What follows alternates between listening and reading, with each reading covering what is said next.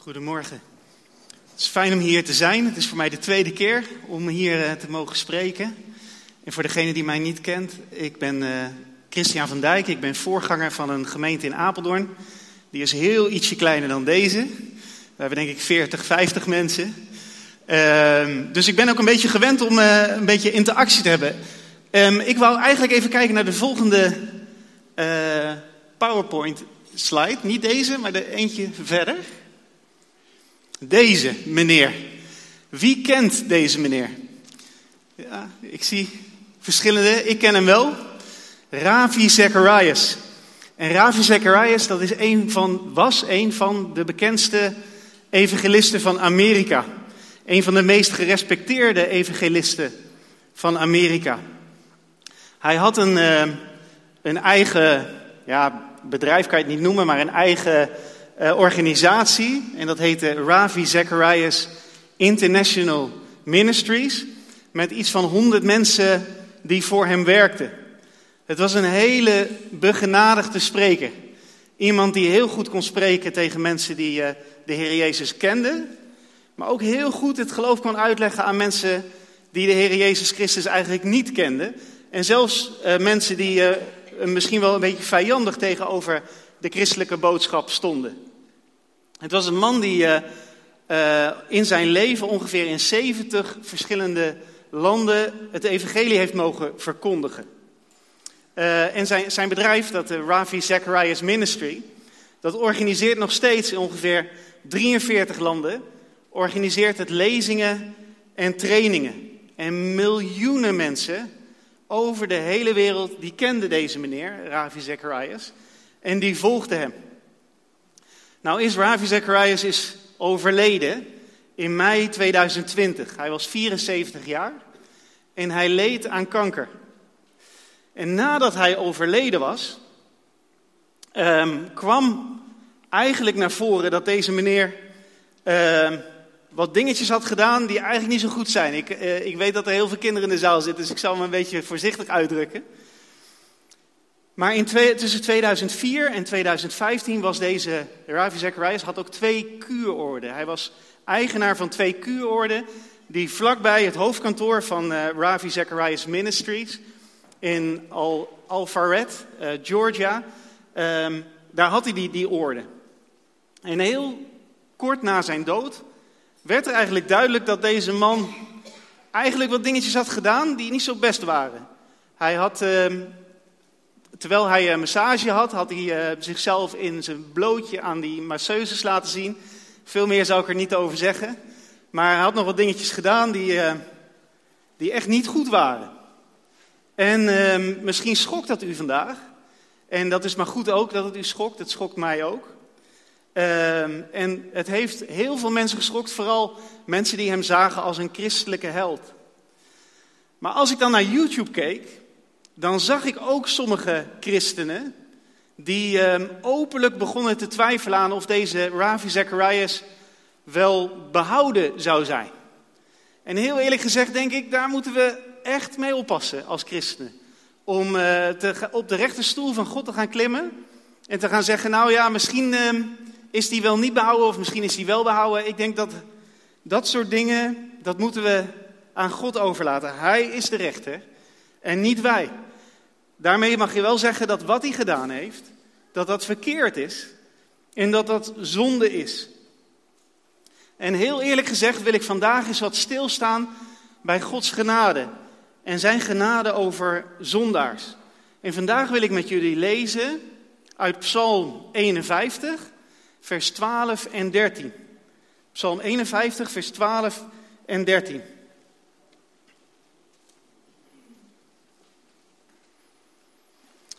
Daar zegt David in Psalm 51: Schep, o God, een zuiver hart in mij. Vernieuw mijn geest, maak mij standvastig. Verban mij niet uit uw nabijheid. Neem uw heilige geest niet van mij weg. Zullen we bidden voor het woord? Vader, we willen u vragen, wilt u ons open oren geven, dat we uw woord mogen horen vanmorgen. Vader, wilt u ons niet alleen open oren geven, maar ook een ontvankelijk hart. Een hart wat uh, open staat voor wat u te zeggen heeft en wat zijn leven verandert. Dat bidden we zo in Jezus' naam. Amen. Vandaag wil ik bij drie dingen stilstaan. En het eerste wat ik wil zeggen, waar ik, bij, waar ik stil wil staan, is een zondaar gevallen. En het tweede punt waar ik bij stil wil staan, is een zondaars gebed.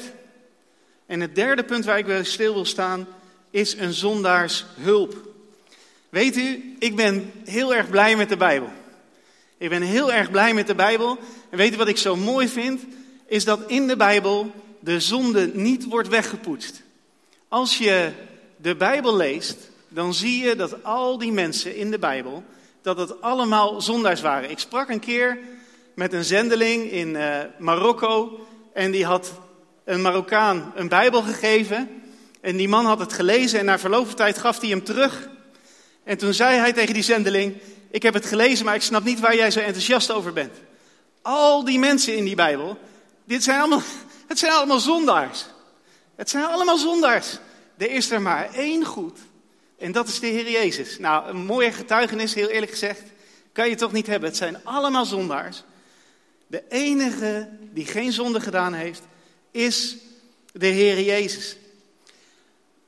De Bijbel die poetst de zonde, zonde niet weg. En vandaag wil ik eens stilstaan bij één van die godsmannen. En die godsman is David. En David was niet zomaar iemand. David was iemand die uh, een begenadigd aanbiddingsleider was.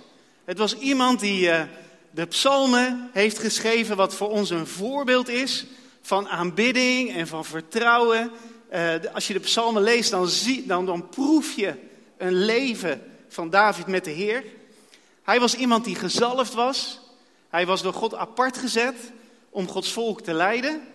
Hij was koning van een, van een steeds groter wordend rijk. God had hem gezegend in de strijd, had hem gezegend met ontzettend veel rijkdom. Het was een bijzonder mens, David. En wat gaat er mis in Davids leven? We lezen op een gegeven moment dat het leger van Israël er, eh, ik geloof in de lente op uittrekt om uh, strijd te gaan voeren. En normaal gesproken, als er strijd gevoerd werd, ging David mee. Maar op, op dit punt lezen we dat David thuis blijft. En misschien heeft hij wel, uh, is, het dan, is alle roem hem een beetje naar het hoofd gestegen.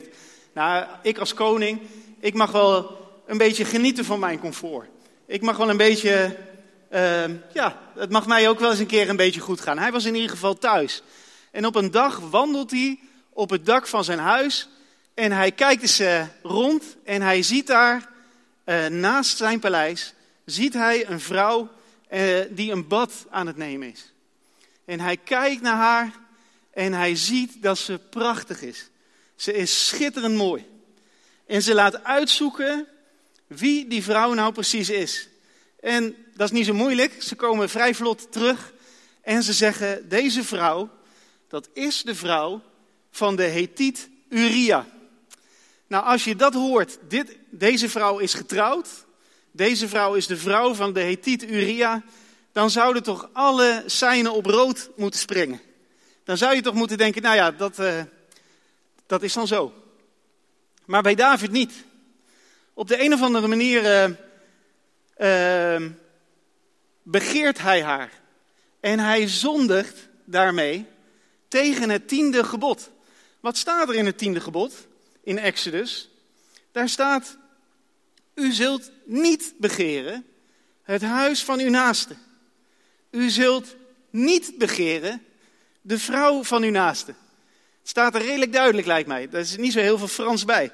U zult niet begeren de vrouw van uw naaste, nog zijn dienaar, nog zijn dienares, nog zijn rund, nog zijn ezel, nog iets wat van uw naaste is. David kent het tiende gebod. En toch, ja, uh, laat hij er niks aan, laat, ja, trekt hij zich er niks van aan. Hij laat deze mevrouw komen en hij pleegt overspel met haar. Zevende gebod. Daar staat, en duidelijker als dit kunnen we het volgens mij niet maken, maar daar staat pleeg geen overspel zevende gebod. Op een gegeven moment wordt uh, deze mevrouw zwanger. En eh, dan denkt hij, oeh, nou wordt het lastig. Want wat ik nu wat ik gedaan heb, is allemaal in het, in het geniep gebeurd. Is allemaal heimelijk gebeurd. Maar nu dreigt het openbaar te worden. Wat moet ik doen? Wat hij doet, is hij laat zijn, haar man, de Hethiet Uria, die wel op oorlogspad is gegaan, die laat hij terugkomen. En hij probeert met, alle, met alles wat hij maar, maar kan doen, probeert hij hem terug naar huis te krijgen. Zodat hij met, zijn, met zijn vrouw zou slapen en dat het zou lijken of dat dat kindje van de Hethiet Uria zelf is en niet van David. Hij, hij, hij voert hem zelfs dronken om te kijken of hij hem zo ver kan krijgen om naar huis te gaan. Maar de Hethiet Uria is wel een rechtvaardig man, mens. Is wel een godsman. En hij zegt, hoe kan, ik, hoe kan ik nou naar huis gaan en genieten van mijn comfort, terwijl dat hele leger van Israël daar nog uh, gelegerd is en hij gaat niet. Wat moet je dan als koning zijnde? Wat doet David? En ik denk dat is misschien nog wel het ergste van alles. Hij laat deze Hethiet, Uria, met zijn eigen doodsvonnis teruggaan naar Joab.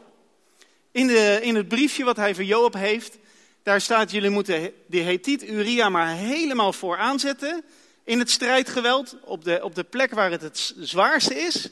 En op het moment dat de, dat de strijd hevig wordt, dan moeten jullie terugvallen, zodat die Hethiet Uria wordt gedood. En zoals de koning heeft opgeschreven, zo gebeurt het. En die Hethiet Uria, die is dood. Eind goed, al goed, toch? Opgelost. We lezen niets op dit moment over enig berouw. Misschien zit je hier en denk je, ja, maar je kan toch zo'n Ravi Zacharias, die kan je toch niet, die kan je toch niet vergelijken met een David? Want zo'n David, die heeft tenminste nog berouw. Ik denk, is dat zo? Want ik lees er niets van. Ik lees helemaal niks van berouw van David. Ik denk dat hij gewoon vindt dat hij het goed heeft opgelost. Wellicht dacht David wel dat hij als koning boven de wet stond. Want wat hij had gedaan was helemaal niet zo vreemd. Het was zo dat, uh, dat, dat, koningen dit soort dingen wel vaker deden. Kijk maar eens naar Abraham. Abraham gaat naar Egypte.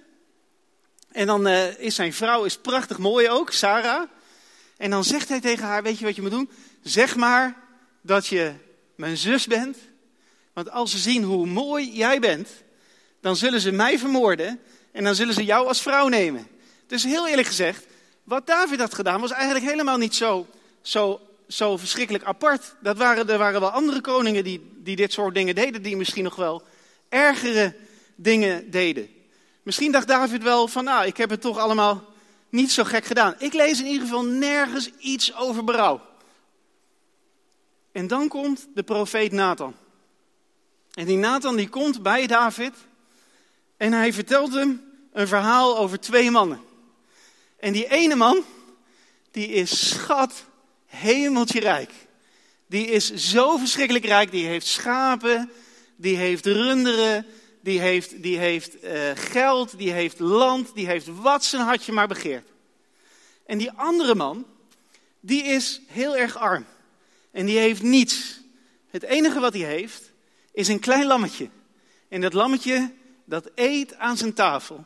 En dat lammetje, dat behandelt hij alsof het zijn eigen dochter is. Nou krijgt die rijke man, op een gegeven moment krijgt hij bezoek. En dan kan hij het toch niet over zijn hart verkrijgen om van al die duizenden dieren die hij heeft, om daar één lammetje of één bokje of één rund van te pakken en die zijn gasten voor te zetten. Maar wat doet hij? Hij, gaat, hij stuurt zijn dienstknechten naar, naar zijn buurman om dat ene lammetje wat die, wat die man heeft, om dat af te pakken. En dat doet hij en dat zet hij hem voor. En David, zo rechtschapen als David is, zo'n zo, zo'n godsman als David is, dan roept hij het uit, deze mens verdient de dood. Deze mens verdient de dood. En dan zegt Nathan, maar jij bent die man. Jij bent die man. En pas op dat moment, pas op dat moment, als Nathan zegt, jij bent die man, pas op dat moment zien we iets van berouw in Davids leven. Lezen we daar iets over. Van wat voor hoogte is David gevallen. Wat een zondaar is hij. Dan lezen we in Psalm 51, en dat is een psalm die hij schrijft na dit gebeuren met Bathseba. Dan schrijft hij, dan, dan, dan, dan componeert hij dit, deze psalm. En dan staat er in vers 12 en 13: Schep, o God, een zuiver hart in mij. Vernieuw mijn geest, maak mij standvastig. Verban mij niet uit uw nabijheid. Neem uw heilige geest niet van mij weg. Is er nog hoop voor iemand als David? Is er nog hoop voor iemand die zo wellustig is? Die zo met lust naar andere vrouwen kijkt? Is er hoop voor iemand die zo overspelig is? Is er hoop voor iemand die een moord heeft gepleegd? Is er hoop voor iemand die nadat hij dat allemaal heeft gedaan, nog probeert zijn eigen zonde toe te dekken en het te verstoppen en het een beetje weg te moffelen? Is er hoop voor zo'n mens? Weet je wat me opvalt? En ik daag u eigenlijk uit om van, van, uh, vanmiddag is Psalm 51 te pakken en dat gewoon eens te lezen. En, en ik wil je eens vragen, uh, let er eens op wat David allemaal in die psalm aan de Heer Jezus, of aan de Heere God vraagt. Let er eens op wat hij vraagt, want hij vraagt nogal wat. David bidt heel stoutmoedig. Hij werpt zich als het ware in de armen van God. Weet u waarom? Omdat hij de Heere God heeft leren kennen. Omdat hij weet wie de Heere God is.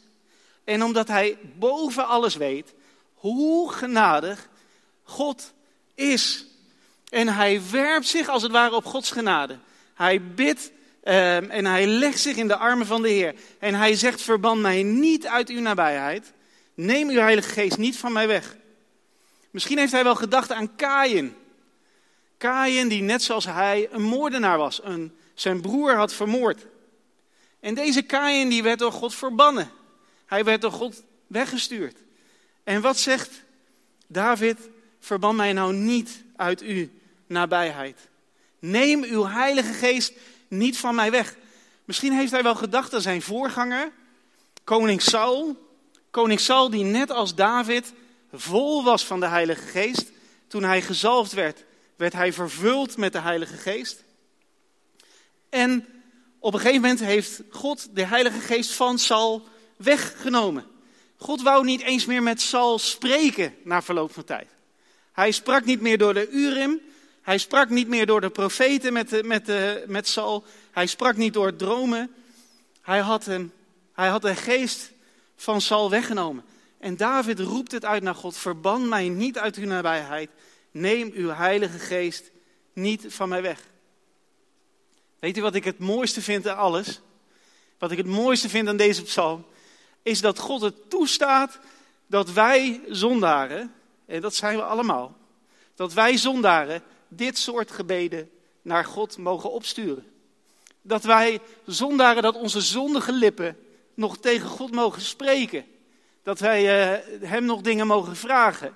Dat Hij nog zo genadig is om naar ons gebed te luisteren. Hij had ons prima kunnen verbannen. Hij had ons prima uit zijn, van zijn aangezicht kunnen verdrijven. Zijn wij ook zo genadig als God? Zijn wij ook zo genadig? Deze man, die grote aanbiddingsleider van Israël, deze man die anderen had leren aanbidden, deze gezalfde leider van het volk van God, zo gezegend door, door God en zo gevallen, deze man die bidt naar God omdat hij weet hoe genadig God is. Hoe genadig God is. En hij vraagt nogal wat in die psalm. Hij vraagt nogal wat. Hij zegt, Heer, wilt u al mijn schuld kwijtschelden? Wilt u alles wegdoen? Alles wat ik verkeerd heb gedaan. Mijn overspel, mijn wellustige blik, dat ik, mensen, dat ik die, die uh, heb vermoord. Wilt u al mijn zonden kwijtschelden? Heer, wilt u uw heilige geest niet van mij afnemen? Heer, mag ik leven uh, voortdurend in uw nabijheid? Mag ik altijd bij u zijn? Heer, wilt u mij helemaal herstellen? Wilt u mij in eer herstellen? En wilt u die, die vreugde die ik vroeger bij u had, wilt u die, ja, dat, ik, dat ik die weer mag ervaren? En dan zegt hij, zodat ik eh, de verdwaalde het rechte pad mag wijzen. Zodat ik de verdwaalde het rechte pad mag wijzen. Misschien denk je wel, ho, ho, ho. Ho, ho. Moet jij niet zo hoog van de toren blazen, David? Moet jij niet eens wat nederiger zijn? Ik bedoel, eh, wat jij net wat jij gedaan hebt, is, uh, is nog niet zo mals. Is nog niet zo makkelijk. Moet jij uh, niet eens even wat meer stilstaan bij je zonde? Moet je het niet wat, wat meer op je in laten werken? Stap jij niet wat te licht over de zonde heen? Ben jij niet veel te aanmatigend in je gebed naar God? En ik, ik wil u zeggen, prijs de Heer. Gelukkig niet. Weet u, we kunnen nooit te veel verwachten van Gods genade. Je kunt nooit te veel verwachten van Gods genade, want Gods genade, net zoals al zijn eigenschappen, zijn onuitputtelijk. God geeft ons boven bidden en boven denken. Hij geeft ons meer genade dan, dan wij ooit zouden kunnen, um, zouden kunnen voorstellen. Zijn genade voor een berouwvolle zondaar is eindeloos.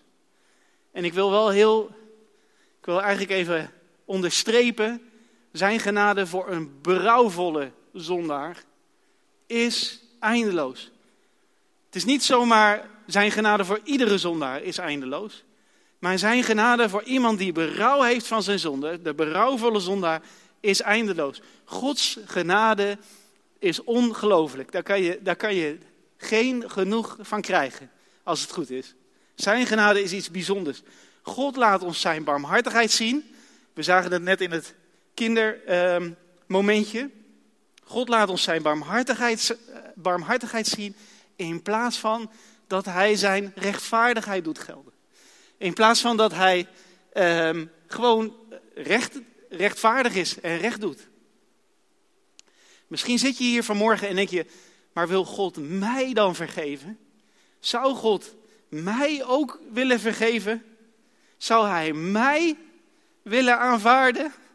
Ik zou u willen zeggen, met, uit de grond van mijn hart, ja, Hij wil u vergeven en Hij wil u aanvaarden als je hier zit en je, hebt, uh, en je bent berouwvol, je hebt verkeerde dingen gedaan en je wil, uh, je wil weer in Gods nabijheid zijn, roep Hem dan aan. Je mag God aanroepen, hoe zondig je lippen ook zijn. En dat doet David hier. Hij zegt, schep, o God, een zuiver hart in mij. Vernieuw mijn geest, maak mij standvastig. Verban mij niet uit uw nabijheid. Neem uw heilige geest niet van mij weg. Het laatste punt, een zondaars hulp. David vraagt heel specifiek, Heere God, wilt u uw heilige geest nou niet van mij wegnemen? Blijkbaar ziet David zichzelf als iemand die vervuld is met de Heilige Geest. Als iemand die de Heilige Geest bezat. Of eh, bezat, ja. En ik denk dat dat zo is. Dat, dat hij vervuld is met de Heilige Geest. Dat is wat mij betreft evident. Dat, is, dat staat als een paal boven water. Als allereerste omdat de Bijbel het gewoon zelf zegt. Als we lezen in 1 Samuel 16, vers 13. Dan lezen we daar. Samuel nam de hoorn met olie en zalfde hem, dat is David, te midden van zijn broers. Van toen af aan was David doordrongen van de geest van de Heer. En daarna vertrok Samuel weer naar, naar Rama. Van toen af aan was David doordrongen, vervuld van de geest van de Heer. En dat hij vol was van de Heilige Geest, dat hij vol was van de geest van de Heer, dat, is zo, dat staat als een paal boven water.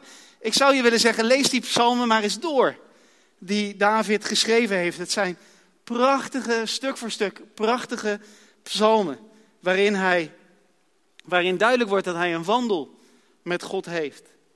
Maar hij weet ook, David, dus dat hij de geest bedroefd heeft. Paulus zegt tegen de Efeziërs in Efeze 4, vers 23: Maak Gods Heilige Geest niet bedroefd, want Hij is het stempel waarmee u gemerkt bent voor de dag van de verlossing. Paulus, Paulus zegt, maak Gods heilige geest niet bedroefd.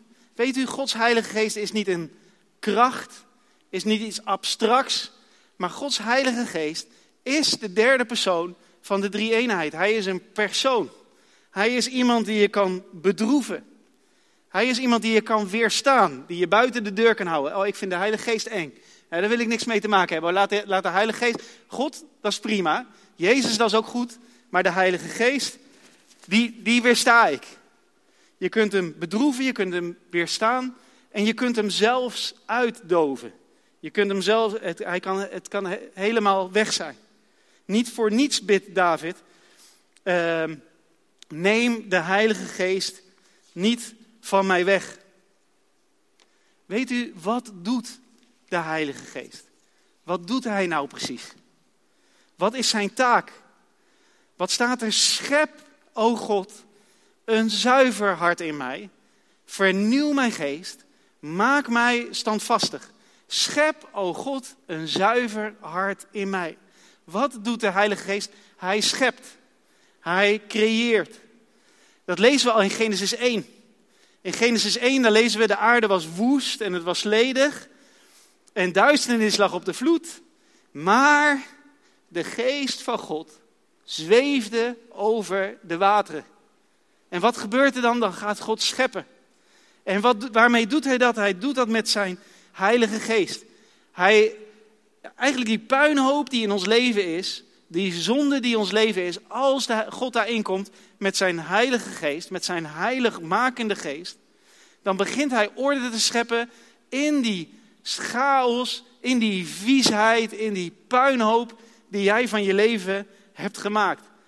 Schep, o God, een zuiver hart in mij, vernieuw mijn geest, maak mij standvastig. De Heilige Geest schept een zuiver hart. En dat is niet zoiets als dat hij je hart een beetje oppoetst, of dat hij het een beetje toonbaar maakt. Hij, schept, hij geeft je een, een nieuw hart. Het is geen make-over. Hij, geeft, hij maakt je innerlijk een ander mens. Ezekiel 36, vers 25 tot 28. Daar spreekt God over zijn Heilige Geest, over wat hij doet. Hij zegt: Ik zal zuiver water over jullie uitgieten, om jullie te reinigen van alles wat onrein is, van al jullie afgoden. Ik zal jullie een nieuw hart, een nieuw hart en een nieuwe geest geven. Ik zal je versteende hart uit je lichaam halen en er een levend hart voor in de plaats geven. Ik zal jullie mijn geest geven en zorgen dat jullie volgens mijn wetten leven en mijn regels in acht nemen. Standvastigheid in je leven is iets wat jij zelf niet kan, maar wat God door zijn Heilige Geest in jouw leven bewerkt. De vraag is, kun je leven zonder de Heilige Geest? Ik zou het bijna gewoon willen vragen, want jullie zijn er met z'n velen. Maar kan je leven zonder de Heilige Geest?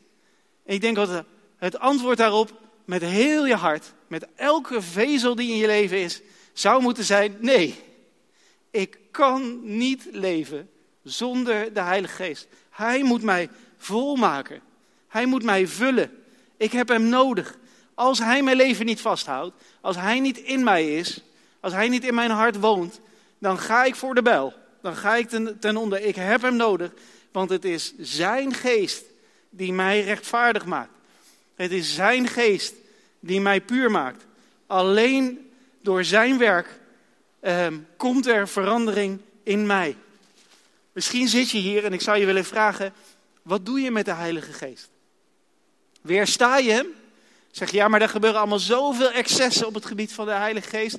Um, laat de Heilige Geest maar een beetje, dat, dat laten we een beetje voor, voor wat het is. We zeggen, uh, ik hoorde wel zeggen van, uh, het is de meest veronachtzaamde persoon van de drie eenheid. Weersta je hem? Hou je hem buiten de deur? Of bedroef je hem door de manier waarop je leeft? Of doof je hem zelfs uit? Weet je, vanmorgen hebben we het gehad over twee zondaren. Aan de ene kant Ravi Zacharias. Daar weet ik verder niet zo heel veel van. Behalve dan dat hij zonde, een zondaar is, net zoals ik. En aan de andere kant een, even grote zondaar, minstens. Minstens net zo grote zondaar. Misschien wel groter. Deze had nog mensen vermoord ook nog. David. Een leider van het volk van God, nota bene. Een aanbiddingsleider. Een man naar Gods hart. Een groot koning.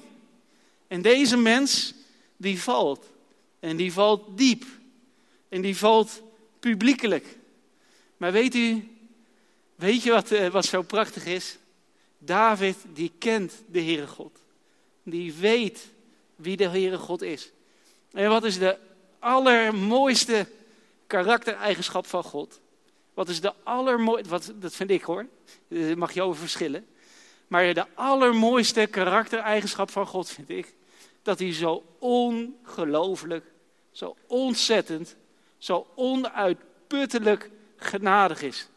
Hij is een genadig God. En David die werpt zichzelf helemaal op die genade van God. En hij vraagt God om vergeving. En hij vraagt God om een nieuwe start. En hij vraagt God om de opnieuw die inwoning van de Heilige Geest. En misschien zit je hier vandaag en denk je, ja, mijn leven is een puinhoop. Mijn leven is een, is een, is een bende.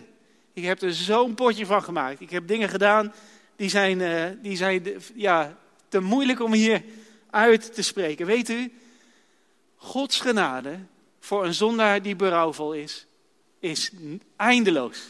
Er is niets wat jij kan doen, wat, wat zijn genade uh, buiten werking zou kunnen zetten. Behalve volharden in je zonde. Maar als je berouwvol bent, als je een nieuwe start wil maken, als je weer terug wil naar de Heilige of uh, naar God, dan zou ik willen zeggen: uh, bid dan dit gebed. Bid het samen met David. Schep, o God, een zuiver hart in mij. Vernieuw mijn geest. Maak mij standvastig. Verban mij niet uit uw nabijheid. Neem uw Heilige Geest, alstublieft, niet van mij weg. Amen. Zullen we bidden?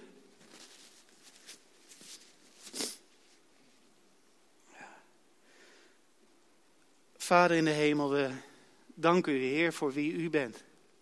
We danken u dat u een God bent die oneindig genadig is. Vader, we danken u dat we hier zo mogen zitten, Heer, vandaag. Als een groep zondaars bij elkaar. Allemaal, Heer, hebben we gezondigd. Allemaal derven we de heerlijkheid van God. Heer, maar dank u wel, Heer, dat, uh, dat u een genadig God bent. Dat u een vergevend God bent. Dat uw genade voor zondaars oneindig groot is. Voor berouwvolle zondaars. Heer, we prijzen u na. Amen.